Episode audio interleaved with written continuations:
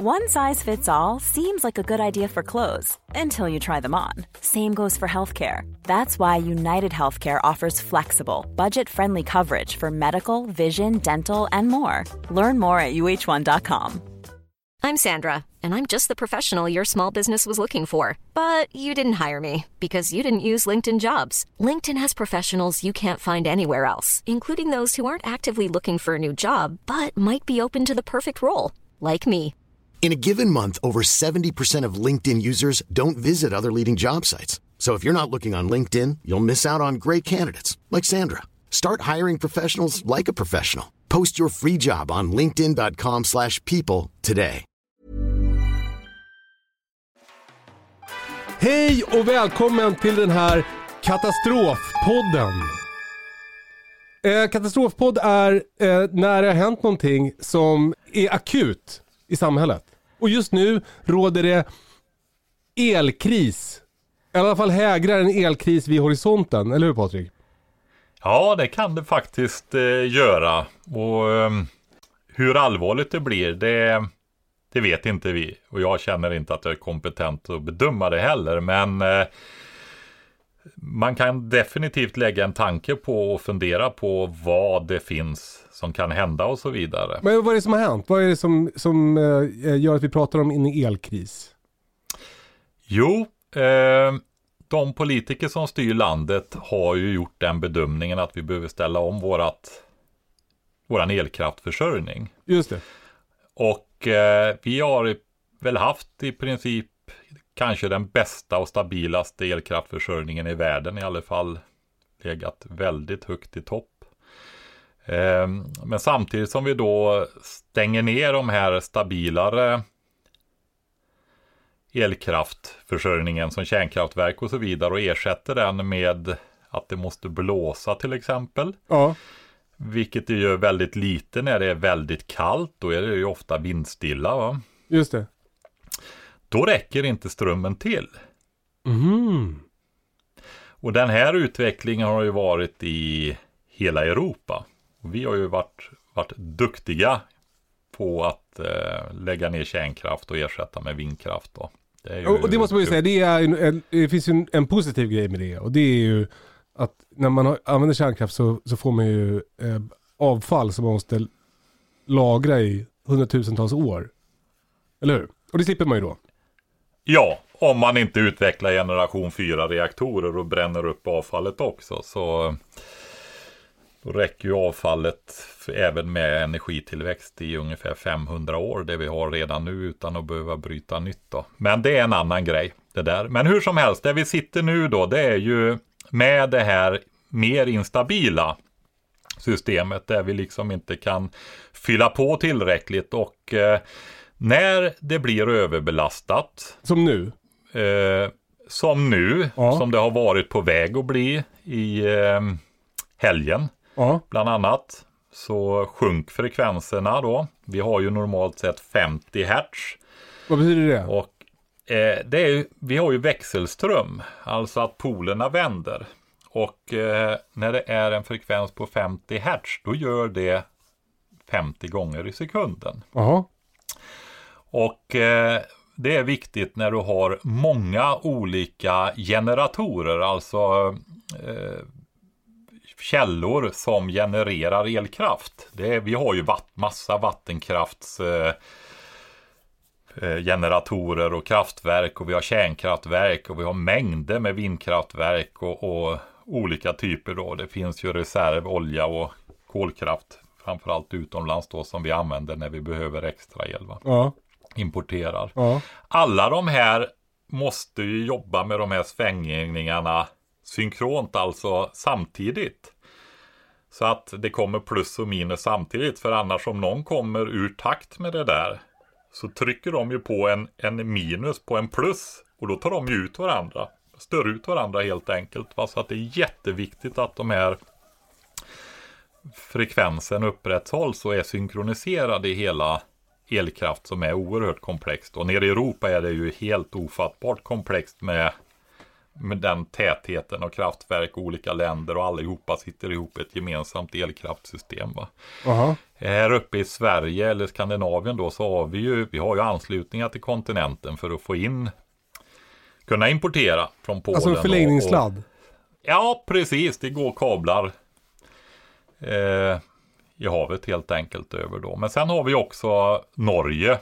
Och där kan vi ju ta del av deras vattenkraft då när vi eh, blir mer importberoende då Okej. under det. Det kan vi göra. Men allt det här måste ju vara synkroniserat och sen är det så att hur mycket kan vi importera? Ja. Hur mycket kan vi importera? Ja, det, jag kan inte detaljerna. Jag är ju definitivt som jag ingen expert på det här. Jag är orienterad. ja.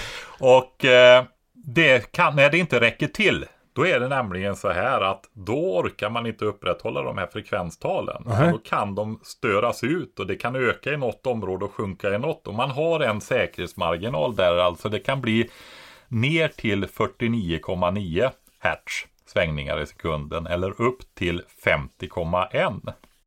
Det var inte jättestort spann där. Nej, det är det ju inte, men det är stora krafter också i de här som försörjer hela länder med elkraft. Va? Så att det, det får nog eh, fungera. Ja. Men då när det viker, det var faktiskt 15 januari var det nere i Europa på väg att bli en katastrof, men man var ganska nöjda efteråt.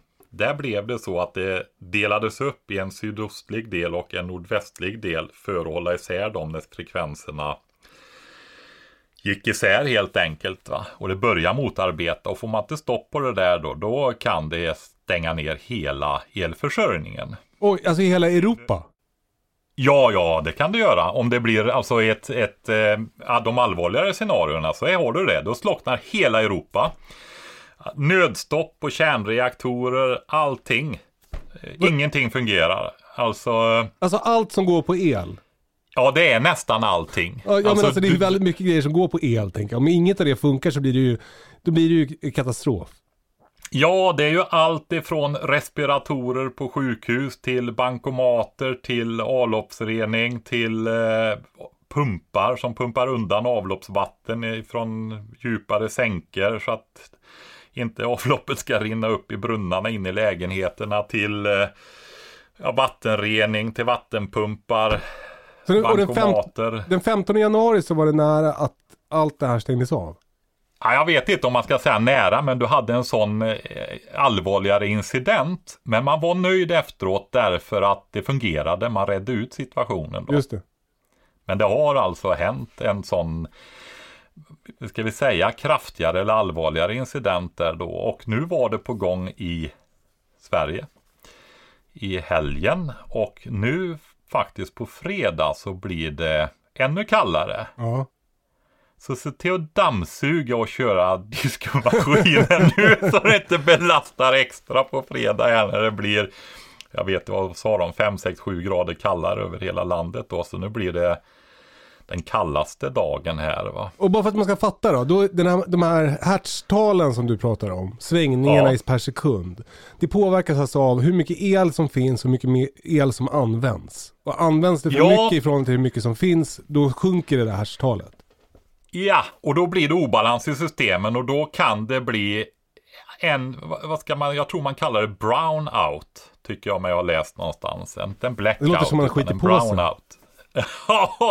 Nej, men alltså att de här börjar eh, bli osynkroniserade och börjar motarbeta varandra och då måste det stoppas helt enkelt. Va? Och kruxet med det där, ja ni vet nödstopp på kärnkraftverk och alla sådana saker. Alltså det tar ju tid att få igång det här och man får liksom bygga upp det su- successivt och sånt. Ja.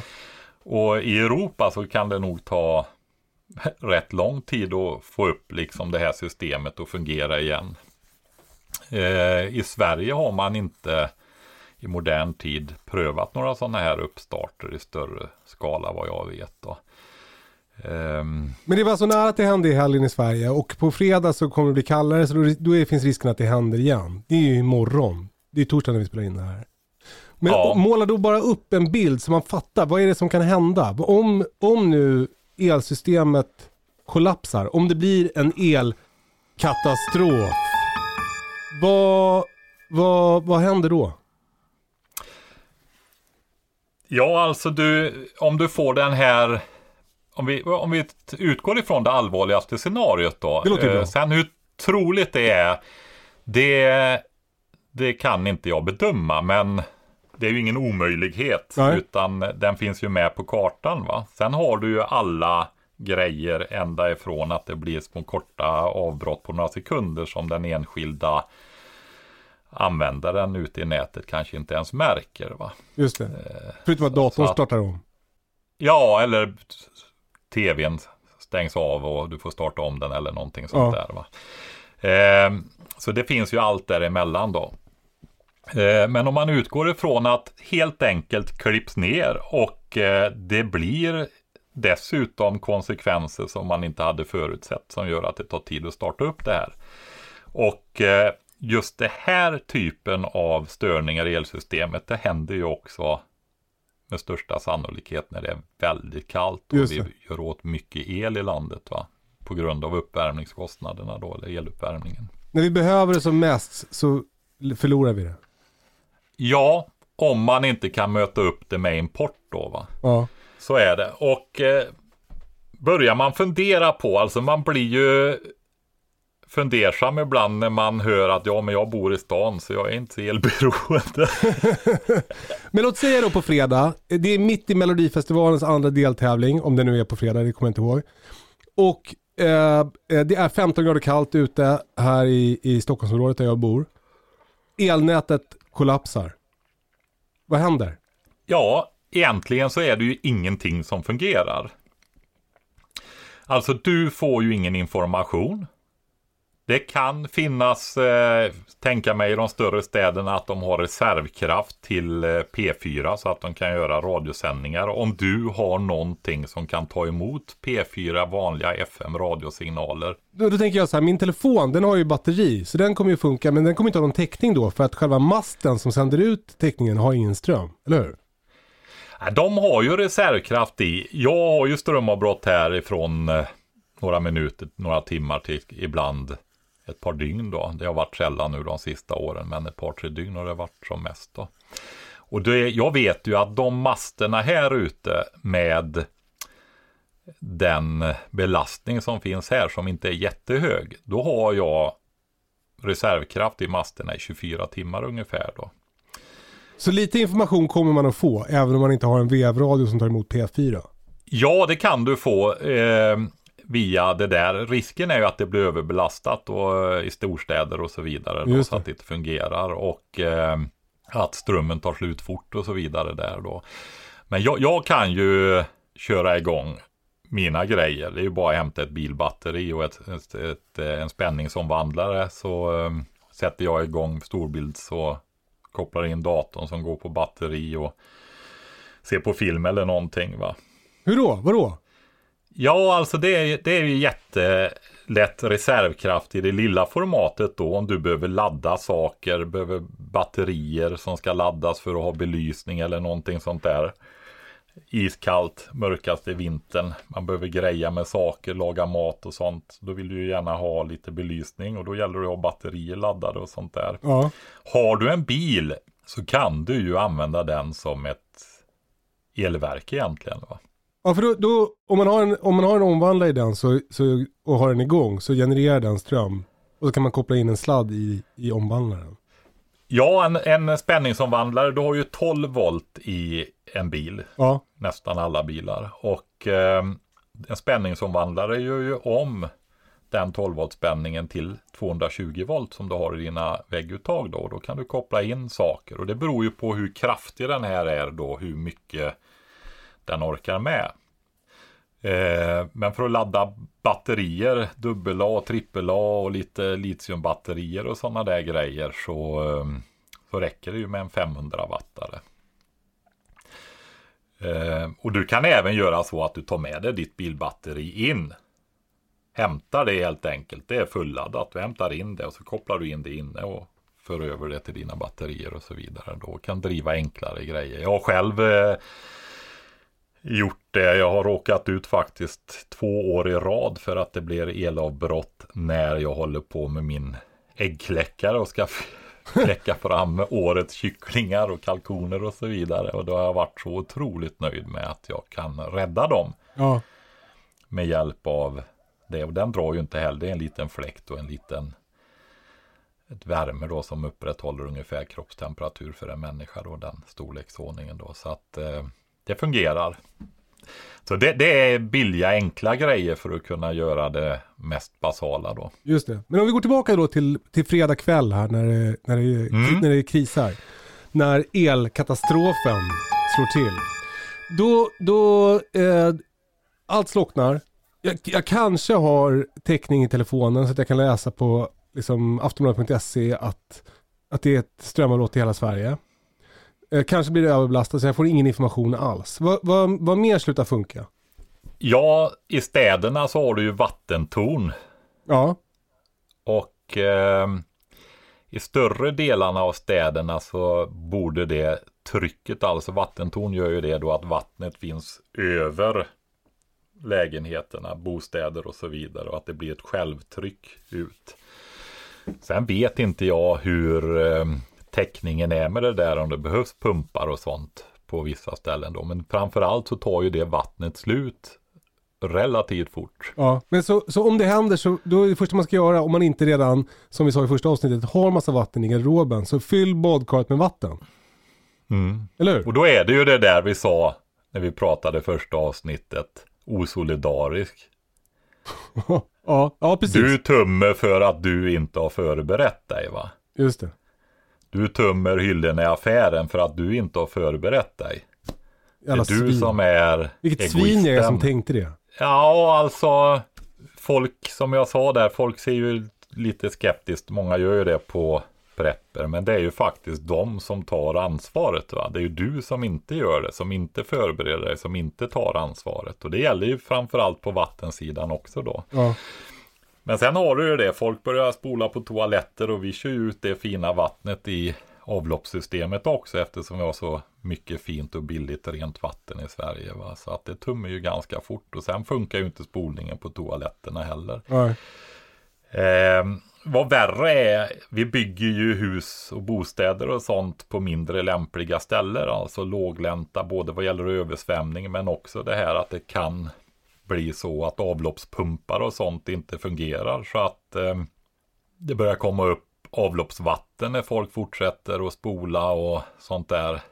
När Vad ska man göra då? då? du bor du på ett sånt ställe så är, blir det jobbigt. Det flyter ju upp eh, avloppsvatten i eh, brunnar och sånt där och allt som är anslutet till det trycks ju upp där och eh, du får ju helt enkelt plugga det då.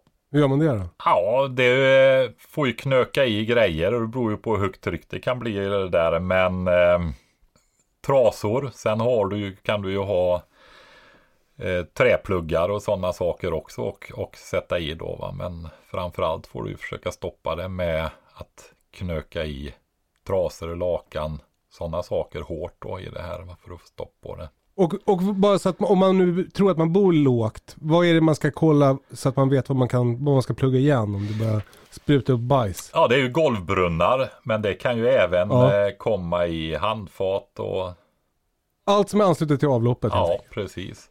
Så då, då kan man redan nu gå runt i sitt hus och kolla vad är anslutet till avloppet och vad har det för dimension. Kan jag tälja till någonting eller kan jag tänka ut något smart och, och möla i det där hålet om det är så att det börjar tränga upp grannens bajs i handfatet. Ja, eller att det blir stopp någonstans och du bor på bottenvåningen i ett höghus och så har du ganska många över dig. och det kommer inte undan. det blir... Men, men för mig som bor i, jag bor ju i, i som själv, i, i, eller jag bor med min familj i ett hus. Mm. Eh, eh, vi har ju bara, av, avloppet det är ju självfall eller vad man ska säga. Vi har ju ingen pump för det. Men däremot har vi ju vatten, en vattenpump som kommer lägga av ganska snabbt. Ja, den lägger väl av direkt din pump skulle jag säga. Ja, det tror jag också. Men, eh, och då har jag mitt vatten i jordkällan. Men om jag skulle vilja ha reservkraft för min, eh, för min pump, min vattenpump. Hur, hur, hur gör jag då? Eh, ja, antingen så har du ju batterier med spänningsomvandlare som du har laddat i förväg för att kunna driva under en viss period. Hur mycket el behöver den då? Alltså, man brukar väl, eh, till hushåll så ligger väl pumpar någonstans på 700 watt mellan tummen och pekfingret. Alltså ja. ungefär en hästkraft kanske, som man sa förr då. Men då är det ju så att den behöver ju, eh, har ju ofta större startström och så. Så att jag skulle tippa att du behöver ha 2-3 tusen watt på en spänningsomvandlare för att kunna driva en enfas vattenpump då. Just det, och då är det själva eh, eh, omvandlarens storlek som är grejen, inte hur stort batteriet är. Nej, precis. Batteriet bestämmer ju istället hur länge och hur mycket vatten du kan pumpa. Just det. Energimängden är ju i batteriet då. Just det. Men sen måste utrustningen då klara av att generera tillräckligt mycket kraft. Tillräckligt ja. hög effekt, tillräckligt många watt i det här fallet. Då, där, va? Just det. Eh, och det jag skulle kunna tro att ett 2000 watts, de är ju ganska vanliga elverk. Det är sådana här Honda och Endres och Yamaha och sånt där som finns som folk har med sig i sina husbilar och båtar och sånt där. De här små tysta elverken. De brukar ligga någonstans där på 2000 watt. Jag tror att du skulle kunna köra en enfas eh, vattenpump med en sån då. Och det, det, är en sån här, alltså jag skulle säga dieselgenerator. Är det, är det samma? Nej, det här är små smidiga bensingeneratorer då. Vill du ha en som eh, försörjer eh, mer då, eller över längre tid och så, då är ju dieselmotor betydligt energieffektivare. Och vill du ha lite större lager av bränsle som du också vet klarar sig lite längre så är det ju vissa typer av diesel som eh, klarar av att lagras väldigt länge. Åh oh, herregud. Det här kommer vi få gå in på i ett annat avsnitt. Ja, det får bli fördjupning. Det, det, det, det låter superhärligt. Jag, jag, måste bara säga, jag har ju sneglat på sån här, eh, försvaret har ju sålt ut någon sån här som precis som en släpkärra. Ja. Har du någon erfarenhet av dem eller? Alltså ett elverk som ser ut som, som, som kommer som en släpkärra. Ja, alltså sådana fanns det ju mycket och det är ju för att försörja stora staber eller eh, vi hade ju väldigt mycket fältsjukhus. Alltså inte sådana här sjukvårdskompanier och sånt där som man sätter upp nu utan vi hade faktiskt över 30 stycken stora tältlasarett skulle man kunna kalla det. Va? Och de var helt självförsörjande. Alltså du var ju tvungen att få in ved, bränsle, mat och så vidare. Men de hade alla system. Va? Matsalar, Jaha. reparationsverkstäder, värme, elektricitet, alltihopa. Det här kunde de producera då. Va? Och där fanns ju sådana elverk också bland annat då. Ett sånt skulle man ju ha. Ja, du måste ju ha bränsle till det också. Så ska du sköta om det och kunna underhålla det och reparera det och serva det. Och och det är det där. Så är det ju. Men ja. eh, det finns ju små enkla smidiga grejer där också. Jag vet inte om du behöver ha ett så stort elverk faktiskt. Eh, skulle kunna tänka mig att du klarar dig om du inte ska driva stora maskiner med ett som är på 5000 eller 5 kilowatt. Då. Ja. Som det finns ganska många kinesiska ifrån 10 000 och lite till upp till 30, 40, 50 000 kronors klassen med högre kvalitet då. Men du, de som lyssnar på det här nu, de har ungefär ett dygn på sig att förbereda sig inför den här eventuella elkatastrofen imorgon. Och då, då, eh, då ska man fundera över, så här, har man något sätt att generera el, typ från bilen, eller har man ett eh, bilbatteri, eller se till att man har laddat telefonen, man kan se till att man har batterier, små batterier laddade till pannlampor och så vidare. Ja, det är ju att göra det nu, det är ju det smidigaste, man behöver ju inte åka och köpa ett elverk kanske batterier laddade och att det finns batterier och sånt så att man klarar sig om det skulle bli mörkt. Men kan det vara så att man bidrar till den här Katastrofen om man nu börjar ladda en massa grejer och köra en massa maskiner?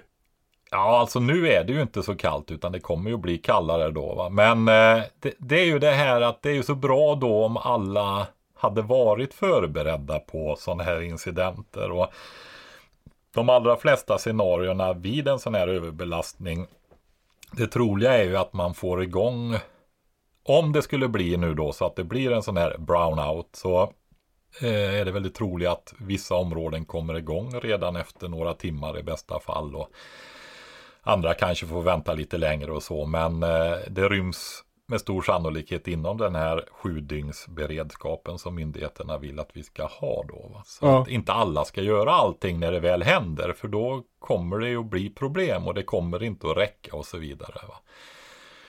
Utan att man tänker i förväg och handlar i förväg. Alltså inte bara Ja men hjälp oss nu då. Ja, men vi går och tittar på på, det om det blir ett, det allvarliga scenariot så är det ju så här att det är ju bara att hoppas att de har underhållit reservkraften och sett till att reservkraften på sjukhusen fungerar.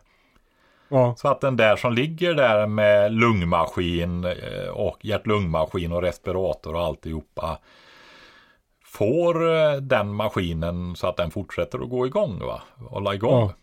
Ja. Och eh, att människor som sitter i hissar och tunnelbanor och alltihopa det här eh, kommer ut och eh, Ja det, det är ju så. Allting är ju, det är ju inte logistiksystem, datasystem. De har väl ofta om det är viktiga databaser, logistiksystem och sånt där för att hitta saker, reservdelar i förråd och sånt. Eh, där finns förhoppningsvis reservkraft också. Men Ja. eh, när jag efter att ha varit intresserad av det här under väldigt lång tid så är mitt förtroende för att uttrycka mig milt relativt lågt för att det är så speciellt hög beredskap. Allting har bara blivit så pressat och alla utgår ifrån att allting ska fungera så att det finns ingen stor redundans i systemen. Man har börjat diskutera det och ja, prata om och få igång civilförsvar och sådana här grejer igen då. Men det, det liksom finns ingenting. Men nu har vi ju chansen att utbilda folk. Du, jag snappar upp en grej som var så här, åk inte hiss imorgon kväll. Ja, ta trappan. Ta trapporna. Ja, det, precis. Då får man också upp lite värme, så kan man sänka, sänka termostaten när man kommer in i lägenheten. Ja, spara lite el. Nej, men du, du får ju inte tillgång till eh, pengar om du inte har det. Det är alltså Nej, man, så ta hem lite kontanter. det kan man göra. Och eh, blir det längre avbrott i städer och sånt där beredskapen kanske är sämre så kommer ju kylar och frysar i affärer och sånt att lägga av. Om man inte har Ja. reservkraft. Får öppna dörrarna, det är så kallt ute nu. Ja, med kylskador och skador på vattenledningar och avlopp och sånt istället. Ja, nej men alltså. Det är ju det här med kommunikationssvårigheter. System går ner. Transporter fungerar inte. Tåg stannar. Och så vidare. Va? Ute i Ja. skogarna i mörkret och ut, kylan sjunker. Och det är många allvarliga saker som händer. Alltså vi tar ju saker så för givet. Och vi är ju inte medvetna. Alltså, det- ah, det är så otroligt utflippat hur vi lever idag i ett historiskt perspektiv. Så det är helt vansinnigt. Va? Jag brukar, när jag ska förklara det där för folk, så brukar jag ta det här med diesel. Ja. En liter diesel. Du kan alltså köpa en liter diesel uppe i Karesuando. Långt ovanför polcirkeln för 5-6 kronor va. Alltså om du tar bort politikernas skatter då. Så eh, själva Here's a cool fact a crocodile can't stick out its tongue. Another cool fact you can get short term health insurance for a month or just under a year in some states. United Healthcare short term insurance plans are designed for people who are between jobs, coming off their parents' plan, or turning a side hustle into a full time gig. Underwritten by Golden Rule Insurance Company, they offer flexible, budget friendly coverage with access to a nationwide network of doctors and hospitals. Get more cool facts about United Healthcare short term plans at uh1.com. Mother's Day is around the corner. Find the perfect gift for the mom in your life with a stunning piece of jewelry from Blue Nile. From timeless pearls to dazzling gemstones, Blue Nile has something she'll adore. Need it fast? Most items can ship overnight. Plus, enjoy guaranteed free shipping and returns. Don't miss our special Mother's Day deals. Save big on the season's most beautiful trends. For a limited time, get up to 50% off by going to BlueNile.com. That's BlueNile.com. Life is full of what ifs. Some awesome, like what if AI could fold your laundry? And some, well, less awesome, like what if you have unexpected medical costs? United Healthcare can help get you covered with Health Protector Guard fixed indemnity insurance plans. They supplement your primary plan to help you manage out of pocket costs. No deductibles, no enrollment periods, and especially no more what ifs. Visit uh1.com to find the Health Protector Guard plan for you.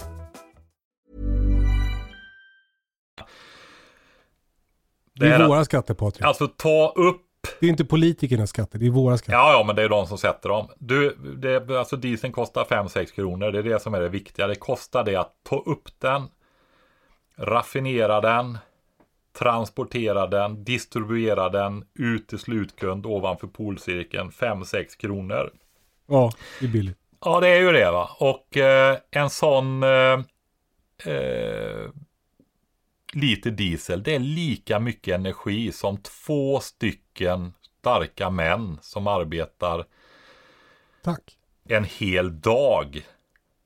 Två dagsverken av de tyngsta manuella arbetena, skogshuggare, stenhuggare eller någonting sånt där. Va? En Jävlar. liter diesel för 5-6 kronor.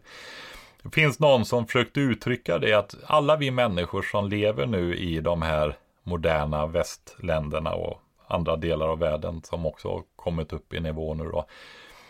Vi har alltså flera hundra slavar om man jämför med en förindustriell period. Va? Vilka är det? Vilka är slavarna?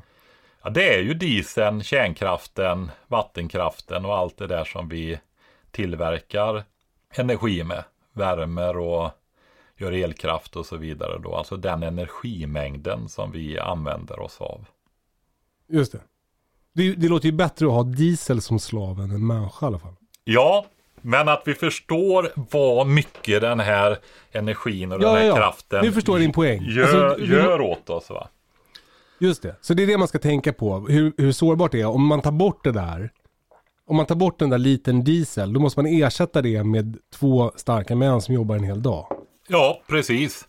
Det är lika mycket energi i det. Va? Det är 9000 ehm, kilokalorier då. Ja. I, I sex pizzor. Det är lika mycket, lika mycket energi i sex stora pizzor som i en liter diesel och i två dagsverken. mm, Ja. så är det. Eh, det är ju en sak då och eh, att förstå det här att det får enorma konsekvenser. Och det här är ju en av sårbarheterna nu då som vi har ökat risken för med omställningen av vårt energiförsörjningssystem då, elkraften. Men det finns ju också andra risker när det gäller det här och det är ju att vi har en massa eh, ställverk eh, i det här systemet då som omvandlar olika spänningar från de högspänningsledningar och sånt ner till andra och som justerar det här systemet och får det att fungera då. Och där finns det ju ett antal stora sådana här ställverk som har avgörande betydelse. Jag läste en artikel just om USA. Och Jag tror det var nordvästra USA man tittade på. Det fanns 2500 sådana här ställverk då. Hela världsproduktionen av sådana där ställverk är ungefär 500 om året. Jaha. Det är vad vi människor på den här planeten kan tillverka då. Det är alltså stora gigantiska grejer. Va? Och eh, de där kan ju slås ut via sabotage. Det kan slås ut via elektromagnetiska pulser som kommer ifrån solen. Hörde jag elektromagnetisk puls? Ja. Det har man längtat efter. Ja, och höra Jag undrade just när vi skulle börja prata om dem. Ja, nej men eh, du har ju dels eh, solstormar då. Ja. De eh, alstrar ju elektromagnetiska pulser också då. Och eh, de här pulserna de kan inducera, alltså skapa strömmar i elledningar och sånt. Men det hände väl på 1800-talet där? Gjorde det inte det? Ja, Carrington hette det va? Känner du igen det? Ja, det, ja, kanske. Det var något med telegrafen. Mm. Vi hade ju precis, Carrington hette det ja, precis, jag kommer ihåg rätt. 1859 års geomagnetiska storm läser jag här när jag googlade snabbt. Ja. Eh, då hade vi precis börjat få upp elektricitet i form av telegrafer. Ja. Och eh, Alltså morse, så här. Och så i Lucky Luke så har en liten grön skärm och... ja, precis den här lilla Ja. knappen som de sitter och skickar kort, lång och sådär va. Just det. Och eh, man märkte ju av den här supersolstormen som var då på det viset att ja, i vissa stationer så alstrades det strömmar så de här pappersremsorna som det skriver ut och det här när det pickar den här när du ska läsa av vad de skickar till dig då så eh, Ja. började papper att börja brinna. Oj. Eh, det här slogs ut på olika sätt och på vissa ställen kunde de telegrafera utan att ha ström därför att det var ström naturligt i det på grund av de här inducerade strömmarna då. Jäklar. Mm. Kan man Och- säga att om man ska telegrafera någonting så är det bra att göra det idag då? Så att det kan slås ut imorgon.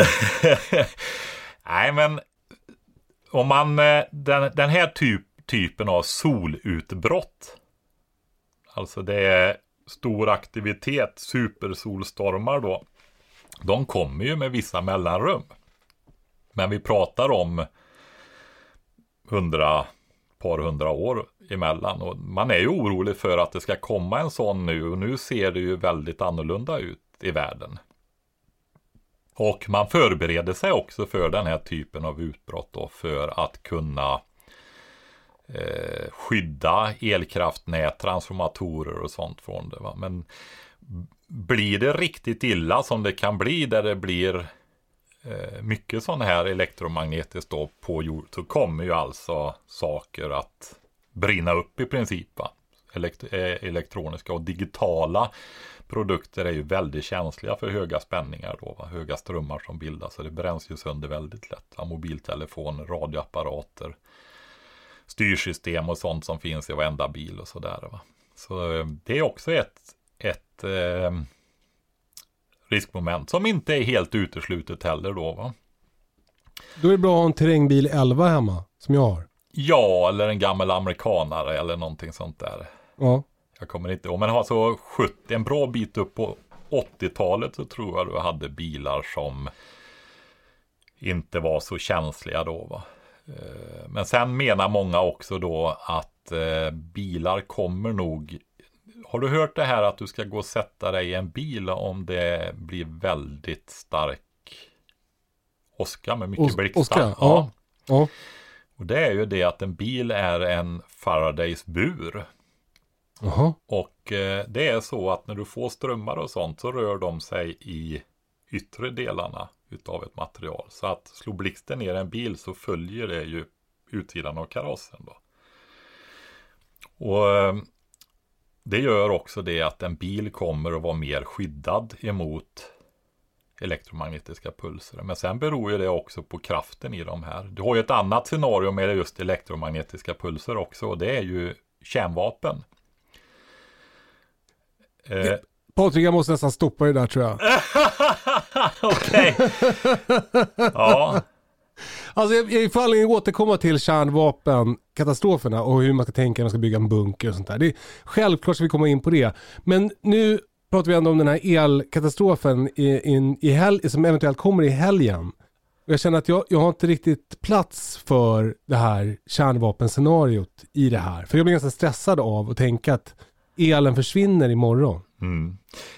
Vi kan inte bedöma hur stor risk det är, men vi hade incidenter tidigare i, på kontinenten nere i Europa, mitten på januari. Vi hade nu i helgen i Sverige. Och nu blir det värre. Om, alltså, vi måste ju ha, sitta människor med ansvar i landet och förbereda inför detta. Ja. Alltså att man eh, Hör du Grums pappersbruk, kan ni släcka ner nu och stänga i tre dagar eller i, över det här dygnet eller någonting sånt där. Alltså ett sånt där pappersbruk. Vi har ju väldigt mycket, vi har ju en historia av att ha producerat väldigt mycket stabil och billig el i landet. Ja. Vilket gör att vi har elintensiv industri. Okej. Som pappersbruk, vi har till och med aluminiumsmältverk. efter eh, ostkusten. Va? Ett aluminium det är bland de grejer som drar mest energi någonsin. Så man kör alltså bauxit från andra delar av världen till Sverige för att tillverka aluminium för att vi har så bra eller hade så bra elförsörjning. Eh, tar du, ja alltså mycket av vårt välstånd bygger på ett stabilt elkraftsystem va? med billig el. Så är det. Eh, tar du ett sånt pappersbruk som Grums, det är alltså många procentenheter av Sveriges hela elproduktion som ett sånt pappersbruk tar då, va? de större pappersbruken. Jag har inga exakta siffror, eller jag har läst det men jag kommer inte ihåg det. Eh, och samma med aluminiumsmältverk och sånt där. Va? Det, är de, eh, det är ju sånt som får ställas ner när det blir elbrist. Då.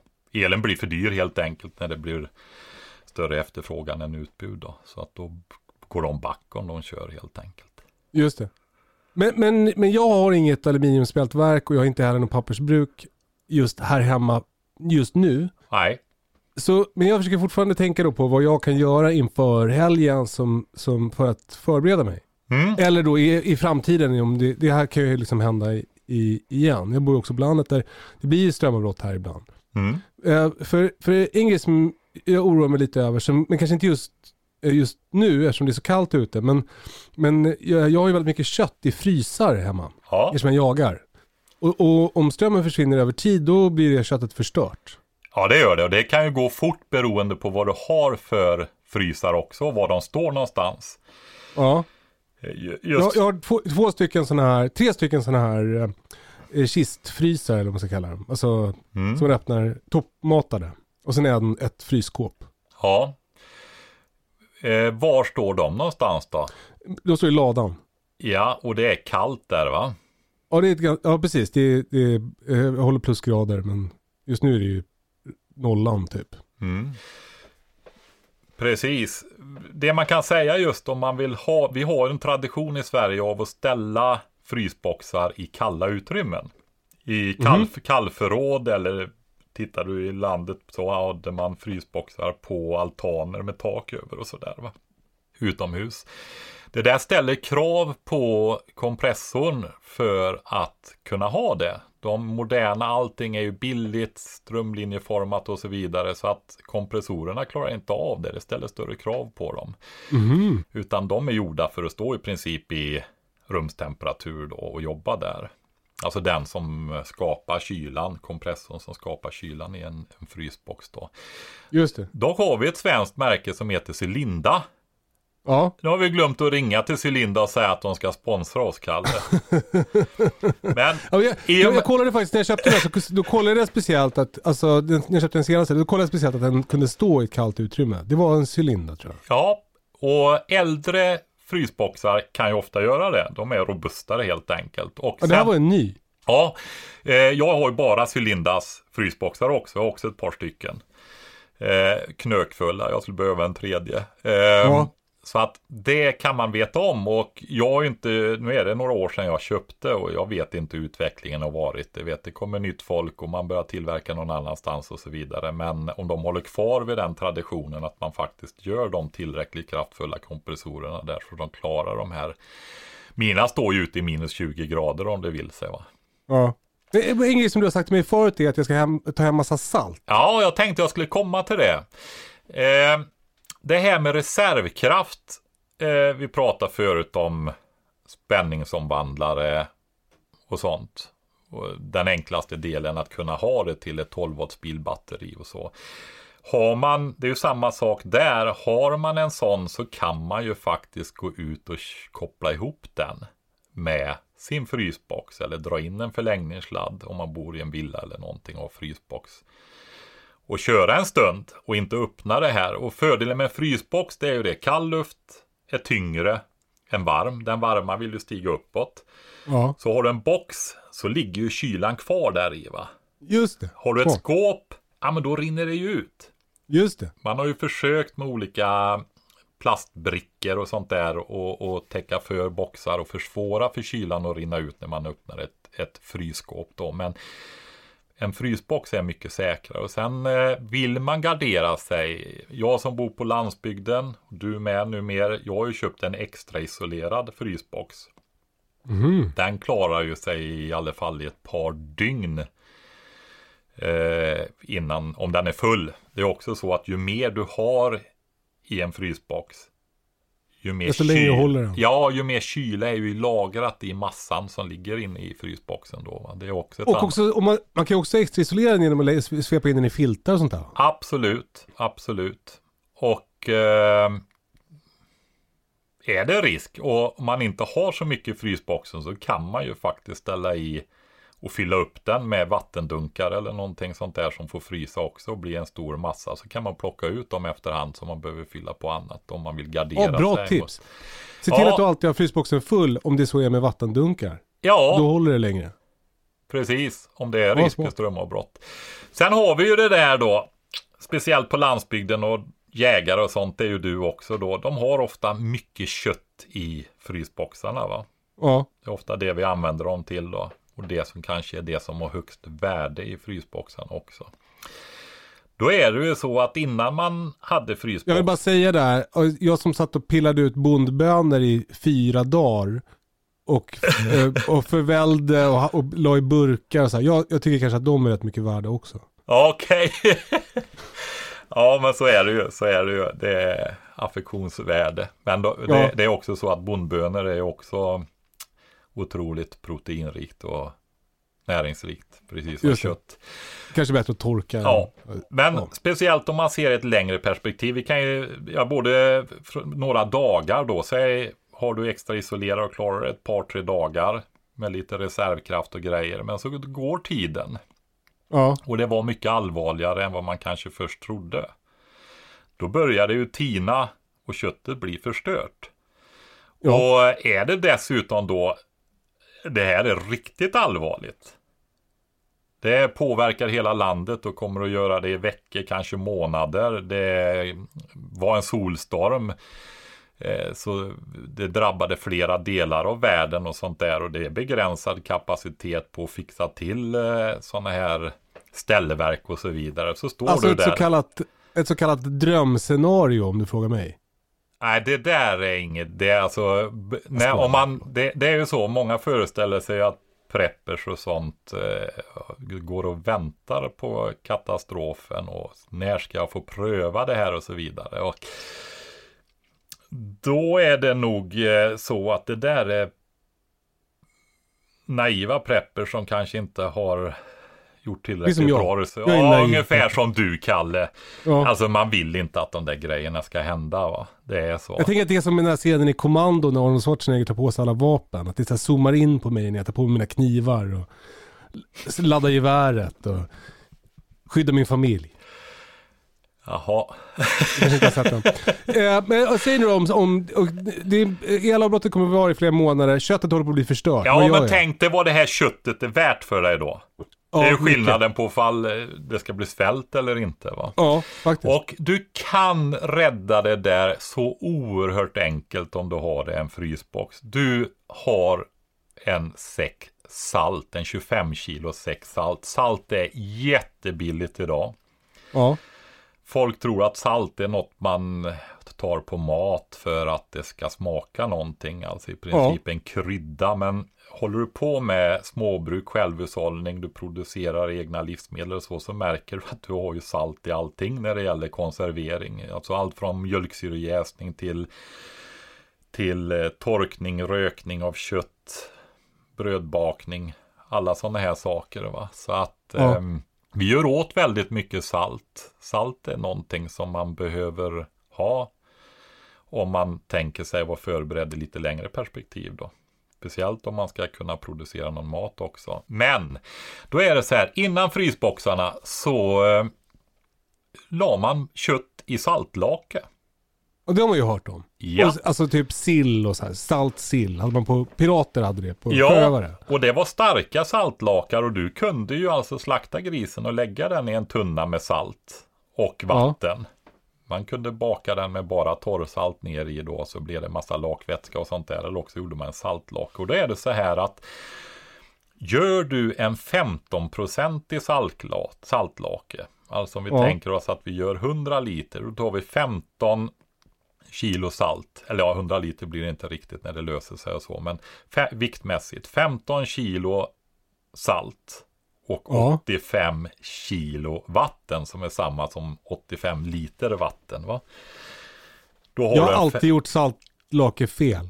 Insåg jag nu. med volym.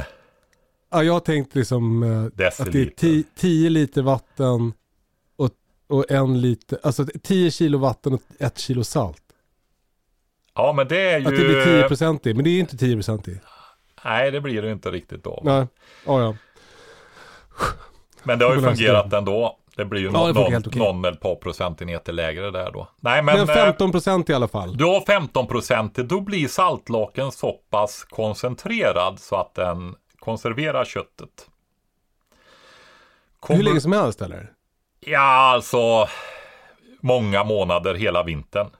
Åh, underbart. Ja. Men det går inte att äta när det är sådär salt. Nej, jag ringer en klocka nu. Hade inte du hjärtan som var för salta? Jo, Och så frågar du mig. ja. Då sa du osmos. Osmos sa jag ja. Vad gjorde du för någonting då? Då, eh, jag googlade. eh, nej, men jag la dem i vatten. Ja, Eh, för att på samma sätt som att salt tränger in i hjärtarna så tränger det också ut i vattnet om man lägger dem i vatten. Då jämnas salthalten ut. ja, Osmos är utjämning. precis.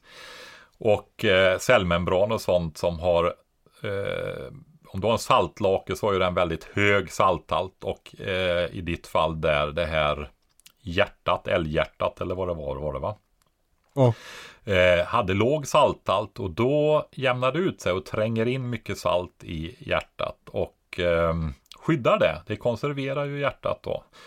Och eh, det är bara det att det blir ju för salt för att äta va. Med de här tiderna och höga halterna av salt då. Och då lägger du bara det i ett osaltat vattenbad.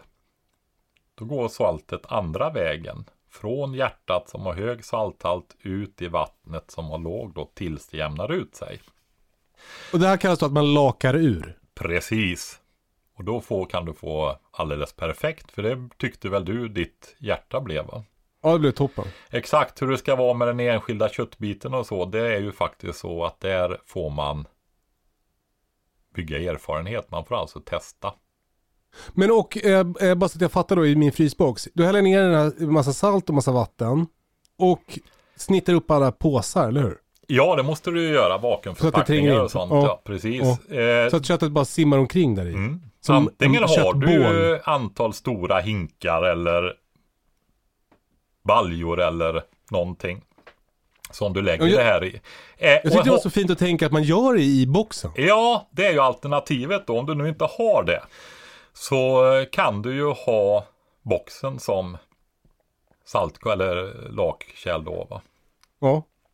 Saltlakekärl. Jag tror man lyssnar på det här, då tänker man så här, that escalated quickly. Vi börjar med att prata om att det kan bli, strö- bli strömavbrott imorgon och det slutar med att vi fyller hela frysboxen med saltlake.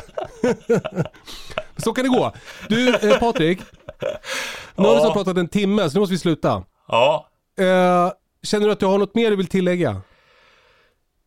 Nej, det gör jag inte utan eh, det här är ju så kort innan. Vi var ju en grej vi tänkte att vi kan ta upp då i samband med att det kanske skrivs om det här i tidningar och sånt där. Men eh, jag hoppas det framgick när vi pratade här att det är så värdefullt om folk faktiskt tar ansvar och förbereder sig innan det händer. Det är ju så med livsmedelssystem och allting att det finns, det finns inga stora lager ute i butikerna. Det kommer inte ut nya heller om strömmen går till exempel därför att man hittar inte vad det är. Det går in, logistiksystemen fungerar inte utan ström och så vidare. Va? Eh, Jag menar, affären öppnar väl inte ens om det är strömavbrott? Det har jag sett. Ja, eh, stängd på grund av ström- strömavbrott. Nej, ja, på landsbygden här kan jag tänka mig att affären öppnar och folk får gå in och hämta det som, så att det inte blir förstört. Va? Eh, typ. Men jag vet inte om man gör det i städer eller sådana där grejer. Men eh, ja, Men så ta ditt ansvar och se till att du klarar dig i två veckor. Ja, alltså om vi skulle få upp befolkningen på en nivå där huvuddelen Alltså, alltså för mig är det så ofattbart alltså. Här har vi mödrar och fäder med barn som inte förbereder sig alls. Som har ansvar för sina barn som inte förbereder sig på sådana här mycket mindre event. Alltså strömavbrott några dagar, svårigheter, drar iväg och det kan upp till veck veckoscenarier då om det blir lite allvarligare. Och sen finns det ju mycket allvarligare också då. Men om vi skulle nå till en vecka då hade det varit fantastiskt bra. Men och det är därför vi gör den här podden. Om man lyssnar på den här podden så kommer man att bli en sån där som tar ansvar. Det är perfekt. Och ja. jag lovar alla som lyssnar, vi kommer att återkomma till de där längre scenarierna. För de kittlar ju till lite extra, det vet jag. Eh, Patrik. Ja. Vi får se om vi hörs imorgon eller om det blir brownout. Eh, och sen så nästa vecka är vi tillbaka som vanligt med en, ett helt vanligt avsnitt. Avsnitt två av den här podden. Då kommer vi prata om, om andra aspekter av prepping. Eh, ja, ha det så bra då Patrik. Ja, tack Kalle. Tack, tack alla som lyssnar. Eh, vi hörs sen. Puss puss! Hej då!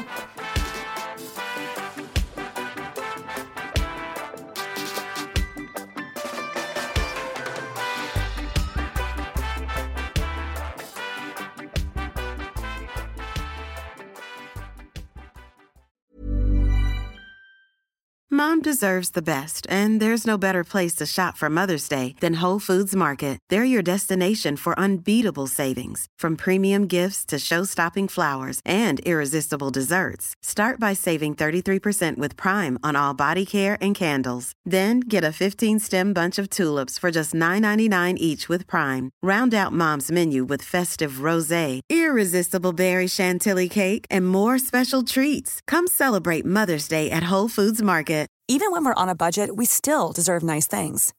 Quince is a place to scoop up stunning high-end goods for 50 to 80% less than similar brands.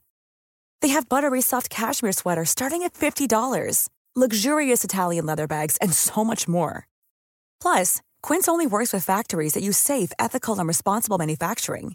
Get the high-end goods you'll love without the high price tag with Quince. Go to quince.com/style for free shipping and 365-day returns.